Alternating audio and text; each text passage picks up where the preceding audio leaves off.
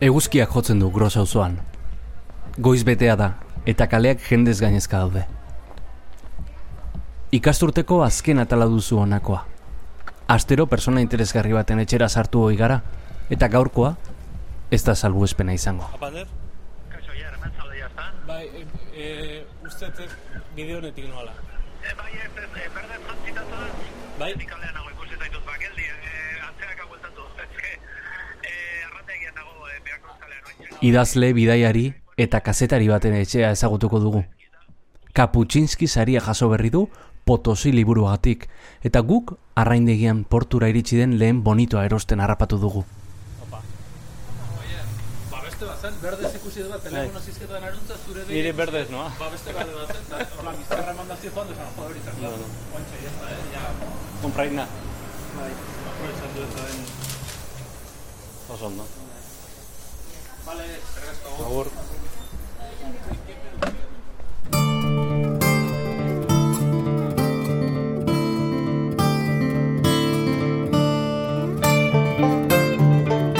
Gaur barruan gauden, Ander Izagirre. Bizitza jarraitzen du, bizitzak ez dauka, reportaje bate dauka hasiera eta amaiera, eta liburu batek ere bai, baina bizitza jarraitzen du, eta hori da gure materiala. Orduan, bueno, bai, noski muga bat jarri behar zaio beti historia bati.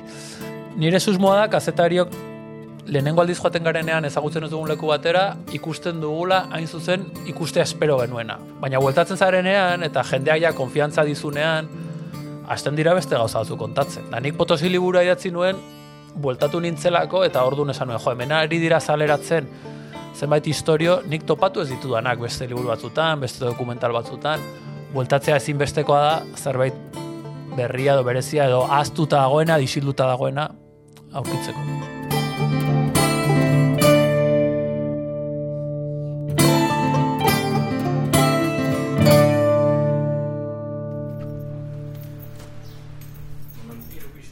Trenbide ondoan zaude. Bai. Aspalitik izi hemen? Hogei? Bai, euskal gure amonaren Amonan etxea. Eh, hori gehiago tentokatu zaite. Maikel Arburure amonan etxean, bizi zen. Ah, ah. Eta, eta, nola da? Eh, Nagore legarreta, arrazilaria ere, amonaren etxean. Eta bien, pa, pariz panera ez. Ahí va, amonen auzo. Bai. Erran. Bueno, iluso legia. Hola. Opa. Arriba, para aquí, Eh? para arriba. Para Vale, vale. Ah. Hola. No, no, no, está seco todavía. Vale, vale. Ahora iba a subir. Vale, ya no salimos en un buen rato. Vale. Gimnasio. Ja, bizikleta gainean hartu. Hau, iriadinekin ondo zeu, baina aurrerago, eh? Bai. Esaten dut beti. Lau, amalau metro daude, balkoitik kalera. Orduan, amalo sortzi milakoak egin ordez, sortzi mila aldiz, amalau metro. Lehenko ditu da, hori nere... Hau da, Bai. Eh, a duziko ditut eta... Bai. Bitu, beti, da, beti dago mai bat, eh, oiukatzen duena mikrofonoak jartzeko hor. Ja, pentsat, eh, maialen entzun desan, bueno, maia bintzat badokagu, etxe hau, etxe honek edo zagontza oso, Bai, baina bai, maia, bai. zan- zalan erdiko maia Bada, egon gela.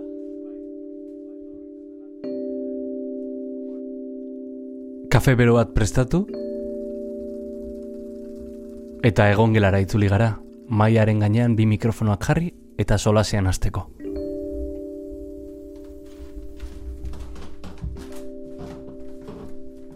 Inguruan ditugu normak, munduko leku ezberdinetako mapez estalita daude.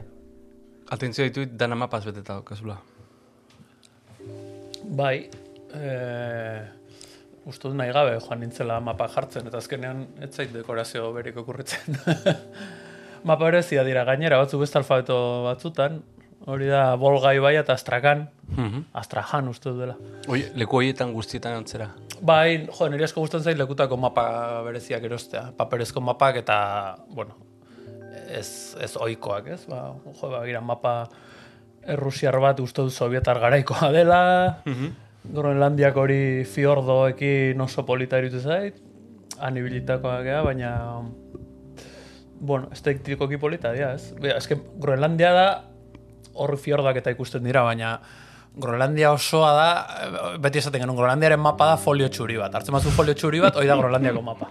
Kostako muturroiek enduta. Hori da Australiako bat, e, Australiako basamortuko mapa bat. Eta hori da e, e, folio txuria behar, folio la... Folio gorriska, bai, bai, bai, dena gorri gorria. Hor badago, jo, ez ez dago zuaitzik ez dago, zer, hor e, kostaldean badago bosteun kilometroko e, trenbidea zuzengune bat, osea, munduko zuzen, claro, trenean jakin daiteke zuzen zuzena den bidea, eta dago bosteun kilometroko zuzengune bat. Hormako mapen eta maiaren artean berriz, kiosko batetik lapurtutako prentsa internazionalaren erakusgailua daukagu. Egunkariz betea. Ah, bai, bueno, bendakat, e, kiosko, bueno, prensa, lehen nazioarteko prensa ukitzen zuten kioskoietako bat, Josu Iztuetak lau- e, oparitu zidan. Oira. Eta hemen e, hau ere gustatzen zaite kartzea e, herrialdetako, desberdinetako prensa, ez? E, no, bida, Ukrainiakoa justo, Azores, Potosí, Granma, beida, recibe Fidel al presidente vasco. Ardanza. Ardanza eta Fidel. Castro portada. Israelgo bat, e, Arabiar bat, ez dakit nongoa, La Gaceta de los Sports, Argia, Svalbard, Yemen Today, eta Navajo, Navajo Times, Arizonakoa. Asko bidaiatu du, Ander Izagirrek, eta historio asko ekarri ditu bidaietatik. Zer, zer emati zu bidaiatzeak, Ander? Horentxe gertatu zait, eh, mapak eta beste herrialdetako egunkariak eta periodikoak ikusita, jo, nik, ez dakit, nik txikitatik jakin mina handia sentitzen nun, bueno, bidaiatzeko gogoa, ez, eta hori uste ba, literaturatik, komiketatik, da, datorrela mapak, eta, ostia, nola, nola izango da mundua hemendik urruti, eta nola bizi dira han, eta, ez dakit, oso oinarrizko jakin min bat iruditzen zaidagola horren atzean, ez? Eta askori gustatzen zaigu bidaiatzea, eta jaio garen lekuan eta garaian aukera daukago munduan zehar bidaiatzeko, hori ez da oso arrunta izan historian zehar, gaur egun ere ez da, eta suerte hori izan dugu, eta ba, niretza da bizitzako poz eh, handietako bat, edo estimulo handietako bat, dudari gabe.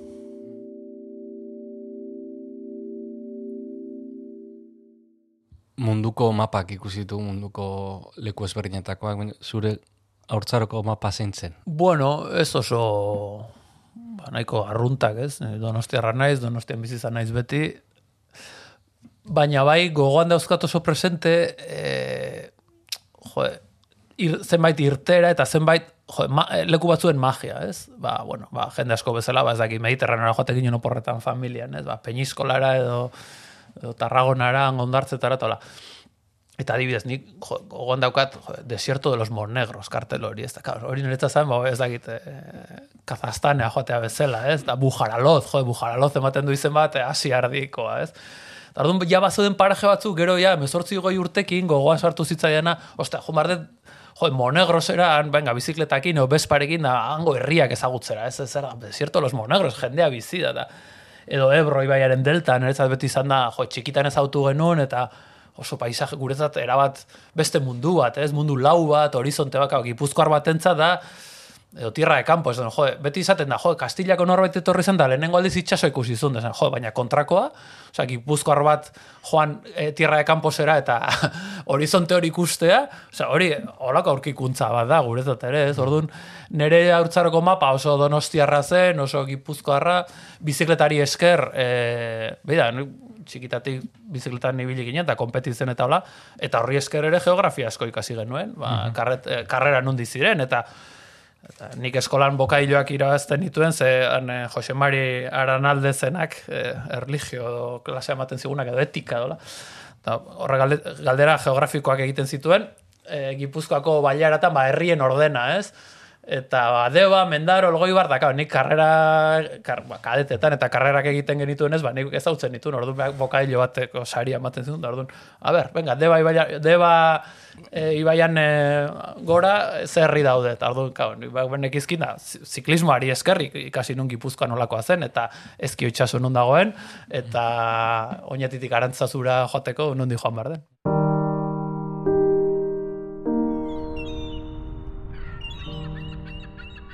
Ba, amak lan egiten zuen pasaiko, bueno, bakailao harrapatzera joaten ziren barkuen enpresa batean, bera idazkaria zen, osea, pasaian egiten zuen lan, baina hortik ere mundua sartzen zitzaigun. Ze beti, jode, ba, Kanadako bakailau bat hortzen zen, laroita mabira arte, terrano ternuakoa, gero Norvegiakoa, eta nire amak ba, selloak gordetzen zituen, ba, San Pierre Mikelon, eta hor bat mundu bat, ez? Jo, bakailau artikoa edo iparatlantikoa, eta hor mundua sartzen zen. Eta aitak, e, bueno, banko bizkaian egiten zuen lan, gero BBB zena, ba, bank, hor, e, bankuan, banketxean e, beti da nik horre egin du lan, orduan, bueno, bai.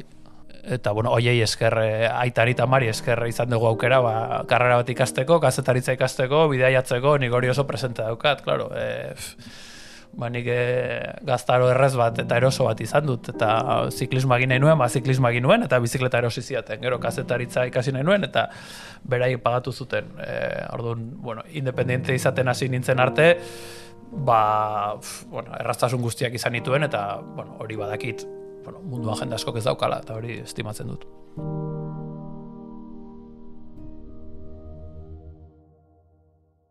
Bai, a ber, nik konturatu nintzen, jo, nik kazetari moduan hasi nintzen ere, bueno, aurretik ez gaztetan, ba, bizikleta hartuta, ero motoarekin, Europan zehar, eta beti da nik oso gaztetatik ibili gara bidaiatzen, ez? Gure neurri, gure baliabidekin, ba, zeiran bizikleta eskasarekin. no?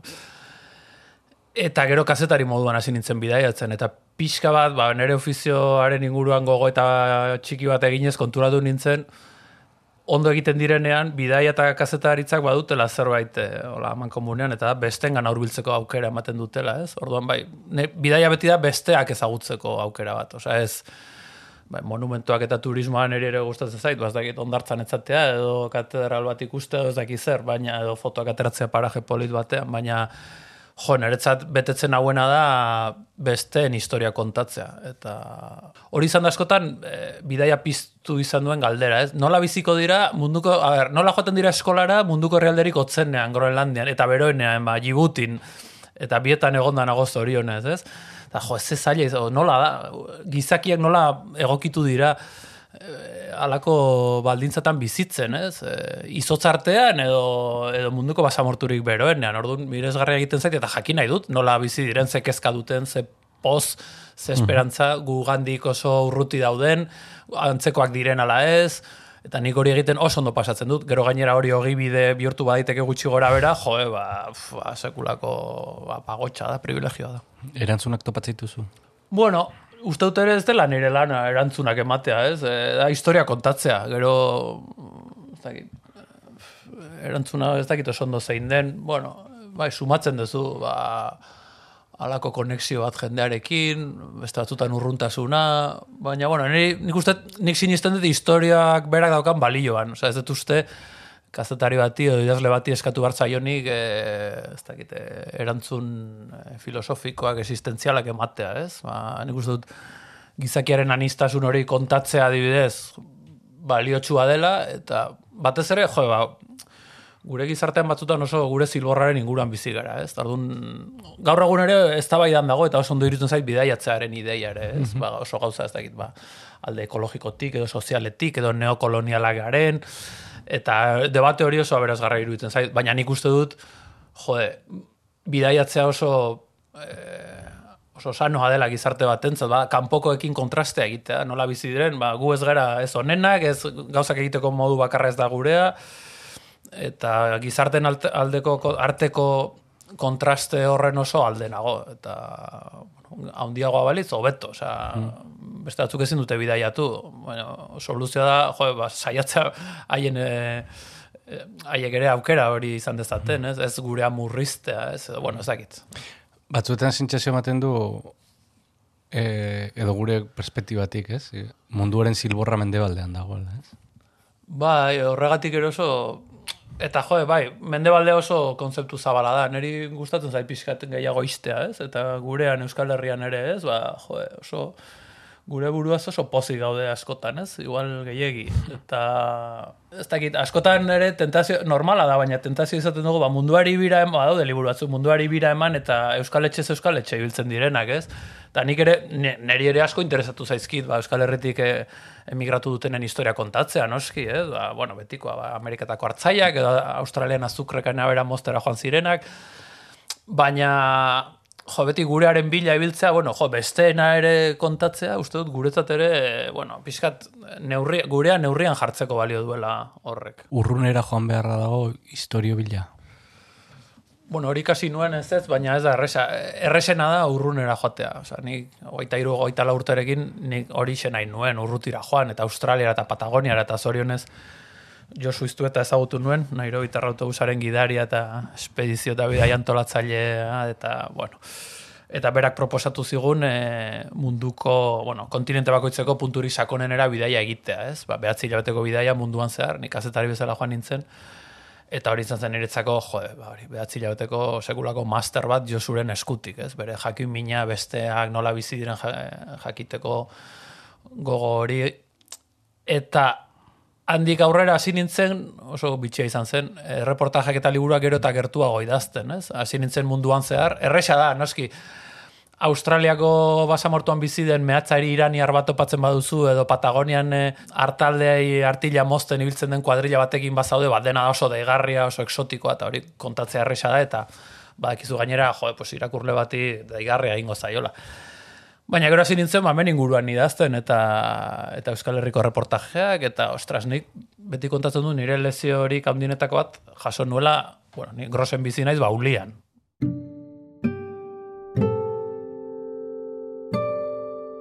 Josetxo Maior e, egunero ibiltzen zen bideak garbitzen, zaintzen eta personajearekin e, pasanuen goiz hartan. Nik orain batzutan klaseak ematen ditut e, master batean, Galizian, eta nik beti uliari buruz hitz egiten diet, ze han ikasi nituen gauza, gero Bolivian eta beste leku batzutan erabili nituen, ez? Ba, terrenoan nola lan egin persona batekin, nola, ostras, nola konturatu nintzen, jendeak bere buruaz gehiago erakusten duela egiten ari denean eta ez hitz egiten, Osa, lezio horiek ikasi nituen ezin gertuago. Osa, mm -hmm. historiorik onenetako bat topatu nuen nire etxetik ezin gertuago. Ni, egun horretan oinez atara nintzen etxetik, uliara joateko. Osa, nintzen patagoniara joan. Etxetik oinez atera, hogei minutu oinez egin, eta josetxorekin, ba, niretzat oso balio berezi daukan reportaje hori egin nuen.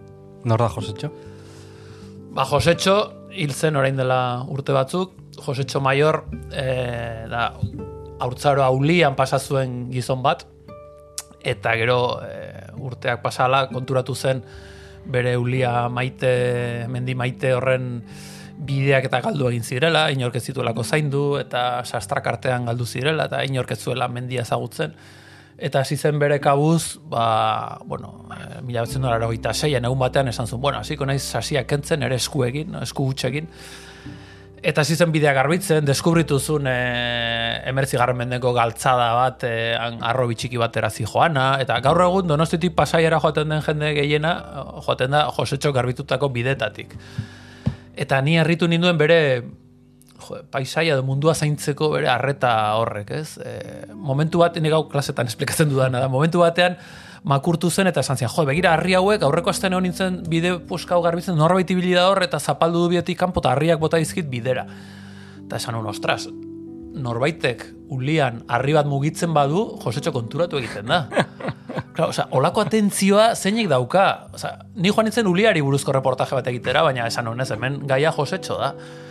Eta gero badago gaztainondo bat, ni oraindik pasatzen naizenean, ba, unkitu egiten naiz, josetxoren gaztainondoa da, bidea pasatzen zen enborretik oso gertu du. Eta gaztainondoa orduan ba, oso gaztea zen, txikia, da jendeak adarrari heldu egiten zion, eta Josetxok esplikatu zen, jo, eske ari zen, ari ziren gaztainondoa izorratzen, ez, adarretik heltzen direnak, eta Orduan egin zuen bidearen ondoan egin zuen beste bide bat, e, ar, arlauzekin hola eskailera bat eginda, alako variante antzeko bat, ez? Bigarren karril bat bezala, jendeak kurba erradio zabalago batekin egin zezan, gaztainondo txiki hori salbatzeko. Eta gaztainondo hori orain oso ederra da.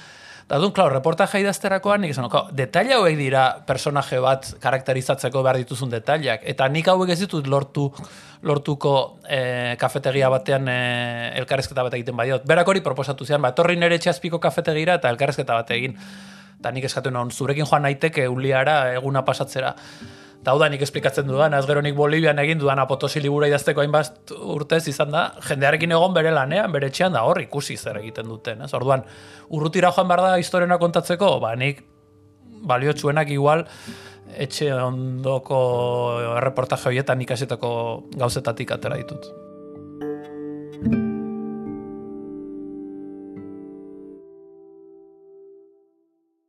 Beda, oier, bau da, emeretzi garren mendeko mapa txuri bat, Australiakoa, asko gustatzen zait, ze ikusten duzu kuadrikula txuriz beteta dago, han Europarrek egindako mapa bada, hasi zirenean inglesak Australian barneratzen, ez egiten ezer barruan zer zegoen, orduan dena txuri txuri zegoen, ez da ikusten duzu lerro beltz hau, nola dijoan, puntuz puntu, ba, hemen dago, e, Deception Point eta holako izen dramatikoz beteta, basamortua zarkatzen ari ziren, eta orduan ari ziren, kuadrikula txuri honetan, ba, ezagutzaren lerro beltz txiki hori luzatzen kosta batetik bestera, ez?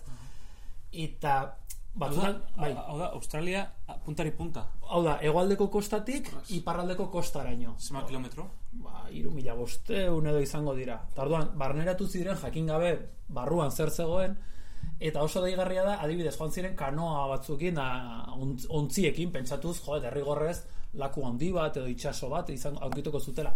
Oso irudi, potente iruditzen zait, esploradore europarrak ez zekiten nun ari ziren sartzen, deserturik, munduko deserturik handinetako batean, ontziak arrastaka eramaten, ez? Eta hori metafora bezala kazetari baten lana iruditzen, jo, mapa horregatik gustatzen zait. Hau iruditzen zait dela kazetari baten lanaren metafora, osea, mapa txuri txuri bat, kuadrikula txuriak eta ez ezagunaren eremu horretan abiatzen gera, jode, gure gure baldarkeri guztiekin, ez? Ostia, hartu dugu kanoa bat, eh, ondarrezko basamortua zeharkatzeko, hori da egiten duguna.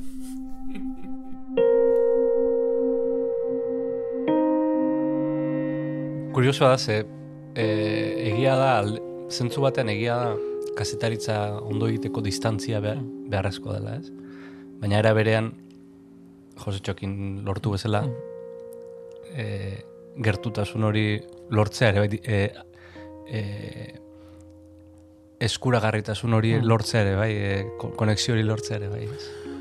Ba, eta esango nuke distantzia hori ez dela kilometrotan neurtzen. E, harridurak markatzen du, orduan distantzia hori, harridura hori izan dezakezu Lian edo Australian. Orduan etxe ondoan izan daiteke zuretzat distantzia haukan historia bat. Bet, bai, beti dago distantzia hori zezer kontatzen dugu, ba, harritzen gaituena, asarretzen gaituena, ba, gure normaltasunet, normaltasunaren bide, onartzen dugun normaltasunaren bietatik pixkat aparte gelditzen diren gauzak, distantzia hori da, ez, ez da zenbat kilometrora dagoen e, historio bat. Eta gertutasunarena oso zaila da, nik uste dut dela ofizio honen gakoetako bat, nola lortu e, persona baten gana hurbiltzea, batez ere, bueno, historia ja, ez dakit zailagoak edo gogorragoak direnean batez ere, ba, Boliviakoa dauzkat oso presente, ez, ba, nola lortu ba, persona batek bere bizitza kontatzea batez ere, ba, bueno, gogorra denean, eta hori nik, bueno, beste eskala batean aplikatu nuen eulian ikasitako hau da, jo, egon behar dut jendearekin, eta, bueno, Kaputxinskik esaten zuen, gure historietako protagonistekin haien bizitzaren zati batean, o, protagonistak bizitza, haien bizitzaren zati batean lagundu behar ditugu, ez haiekin egon behar dugu lanean, etxean, eta hori da modu bakarra, ba, behin, ba, bueltatu, behin eta berriz haiekin egon, denbora galdu, ez? Denbora galtzearen apologia egiten dut askotan, ez? Ba, bueno, ez dakizu oso ondo zergatik zoazen berriz persona horren gana, ja kontatu dizu bere bizitza. Bueno, bai, baina bueltatu zaitez, eta lagundu zazu berriz lanera, eta aterako dira Ordun hartuko du konfiantza persona horrek zurekin, eta ordun erakutsiko izkizu esperotzen dituen gauzak. Mm Entzuten jakitea oso importantea da kazetari batentzat. Bai, eta nik uste dut gainera pazientziaren bertute hori galtzen ari garela, ez? Ba, ni ere oso azeleratua bizi naiz eta bete dakagu telefono eta estimuluak eta sare sozialak eta berriak eta dena azkarra egiten dugu, mazgaudu dituta eguna galtzera, ez? Egun pasa jotera. Eta denbora galtzen duzunean, ateratzen dira historia horik onenak. Osea, espero ez duzunean, eguna bukatzen ari denean, ja seigarren orduan pentsatu duzunean, bueno, ja badaukat material nahikoa historia idazteko. Baina igual agertzeko, agurtzeko momentuan, igual persona horrek esango dizu esaldi bat, ostras, gero reportajearen bukaera izango dena, ez? Orduan, bai, entzutea da guretzat, e, bueno, oso baliagarria, emango digu material ona, eta gero da errespetu kontu bat, ba, bestearekiko. Osea, bestea ez erabiltzea, bueno, hola, ez dakit, zukutu eta bota eta segi bidean, ez? Eta zaila da, guri, bueno, alegin hori eskatzen digulako, denbora, pazientzia, eta bai, benetan niri nekagarria egiten zait. Nik egun horiek lehertuta bukatzen ditut, ba, notak hartu paseatu galdetu beti konzentratuta egon behar duzu. Zer esan duen, galdetu, berriz galdetu, edo gerorako utzi hau ez da momentu orain galdetzeko, baina apuntatuko ez gero beste, ba, igual bazkaltzen ari garela gai hau ateratzeko. Bidean ikasi dute egiten, ez? Hori inork ez digu erakusten, baina nik uste dut ezinbestekoa dela. Potosi liburua medio jaso du nazioarteko Kaputxinski saria besteak beste, eta lan hau egiten bizitzako urte asko igaro ditu Ander Izagirrek. Lehenengo bidaia Bolibera 2000 bederatzean egin nuen, liburua lehenengoz 2000 mazazpian atera zen, baina gero, bueno, horrendik ere luzatu nuen liburua beste atal berri batekin, Bolibera bueltatu nintzelako, hango jendearekin harremanetan jarraitzen dut, eta agian luzatuko da, Orduan izan da beti hori izan dudan lan bat, gero noski beste gauza asko egin ditut tartean, noski ez ditut pasa zortzi urte bakarri potosirekin, noski hori ezinezkoa da. Baina bai izan da, bai, e, bueno, persona batengatik batez ere, ba, ezagutu nuelako bere garaian, o garai hartan amala urte zeuzkan neska bat, mehatzetan lan egiten zuena, oso neska berezia, eta horren horren atzetik edo horren historiaren atzetik ibili naiz urte hauetan eta bueno, oraindik horretan gabiltza. Osea, nik orain gainera WhatsApp bidez ba erresa audio bat bidaltzea eta haren berri izatea eta 13 urte pasa dira eta oraindik horrekin nabil. Da bueno, bai, gustatzen zait liburu honen bizitzaz eh, ez dakit bukatu den. Osea, nik liburua publikatu nuen, baina gero atal bat gehitu nion eta edizio berri batean atal horrekin argitaratu genuen beste hizkuntza batera eman dutenean, ba, atal horrekin atera da, eta nik ez dut eh, baztertzen, ba, ez dakit, berriz ara bueltatzea eta beste atal bat kontatzea, ze, Claro, kazetari baten personajeak personak dira, orduan bizitzak ere aurrera jarraitzen du, eta nik ez dakit eh, historia noiz bukatzen den. Hori da, aneira zabalekin hitz egin genuen gauzetako bat, ez? Arnasa luzeko kaztaritzari Mm. hitz egiten.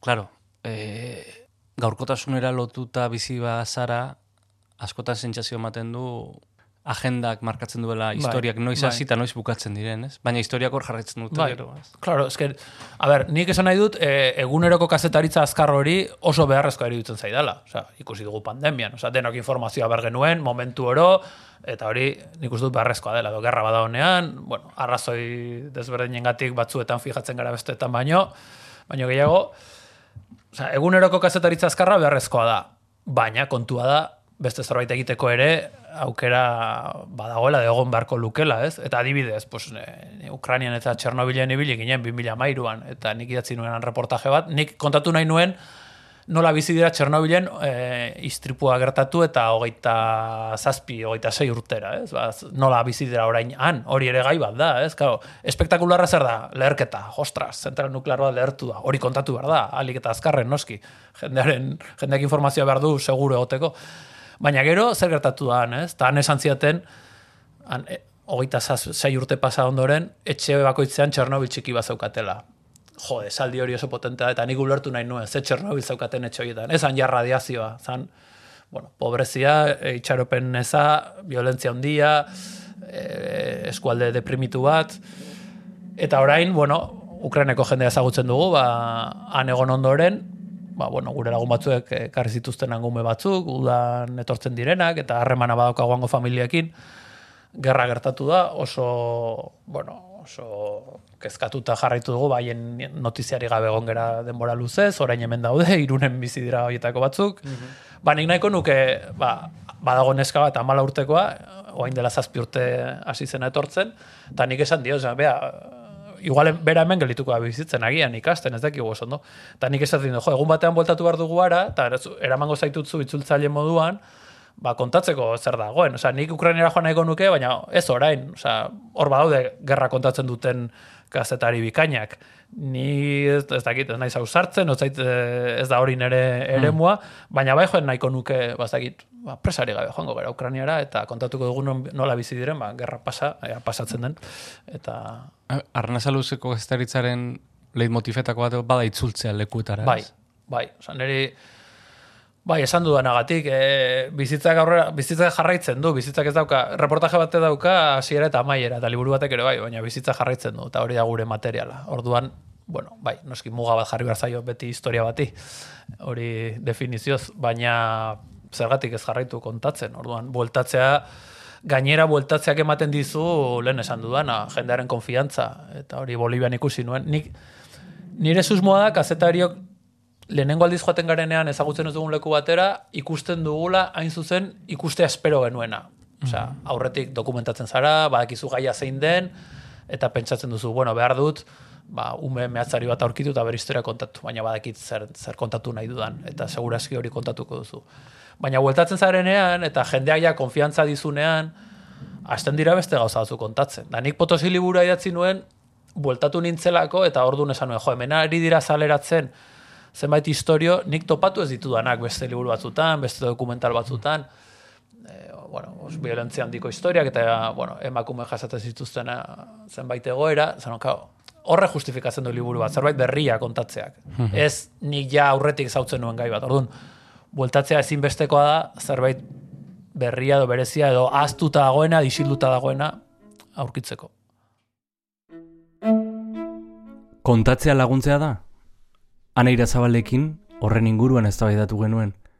Eta galdera bera egin behar diogu Ander Gizagirreri. Izan ere, persona batekin hainbeste engaiatzen zarenean, non dago kazetariaren eta lagunaren arteko muga?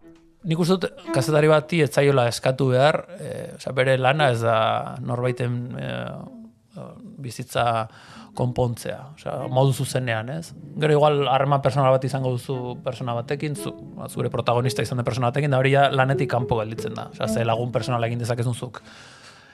Baina kazetari itzan, egin behar duzuna da, historia bat kontatu, eta ondo kontatu. Horrek balio dezake, e, bueno, nik uste dut, violentziariko, ker- bueno, violentziak eta esplotazioak eta injustiziak eta oso ondo edatzen dira isiltasunean. Orduan, guk egin dezakeguna da debate horiek atera.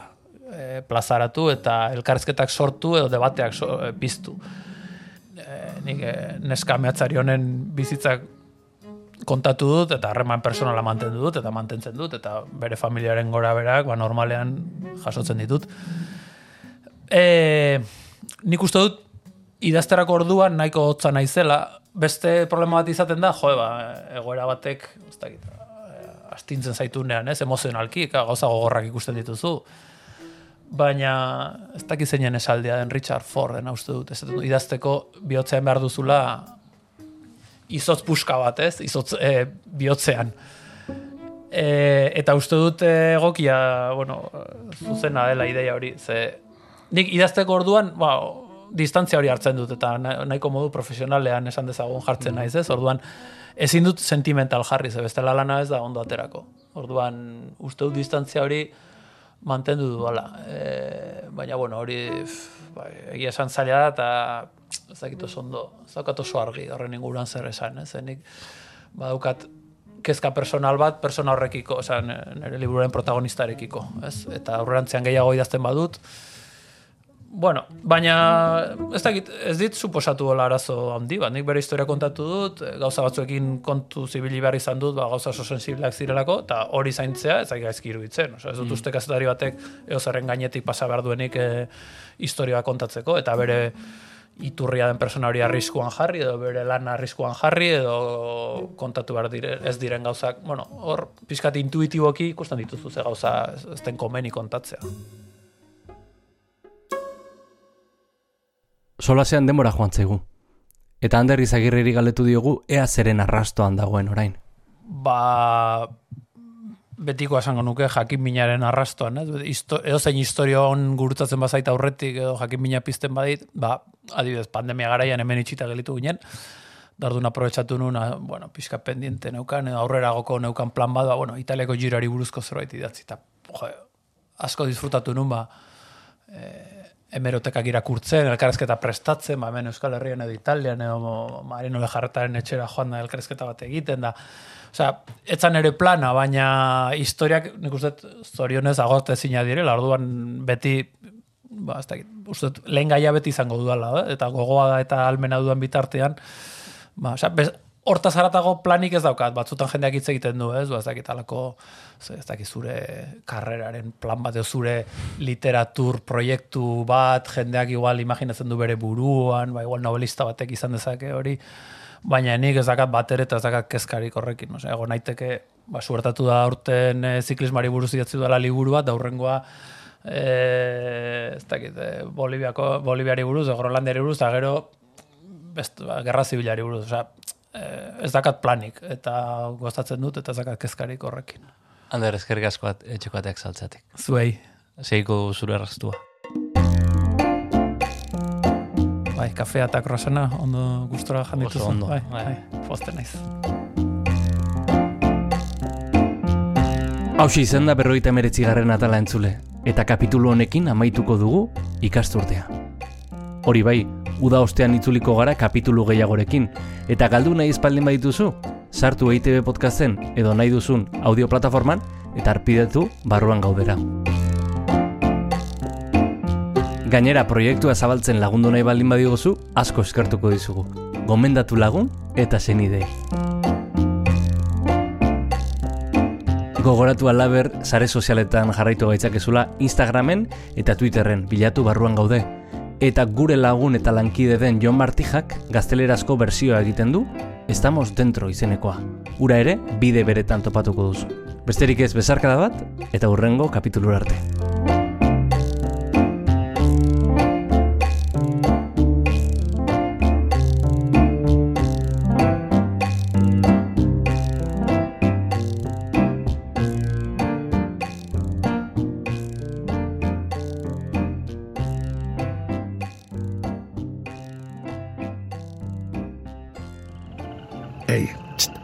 Entzun hori. Ulu Media.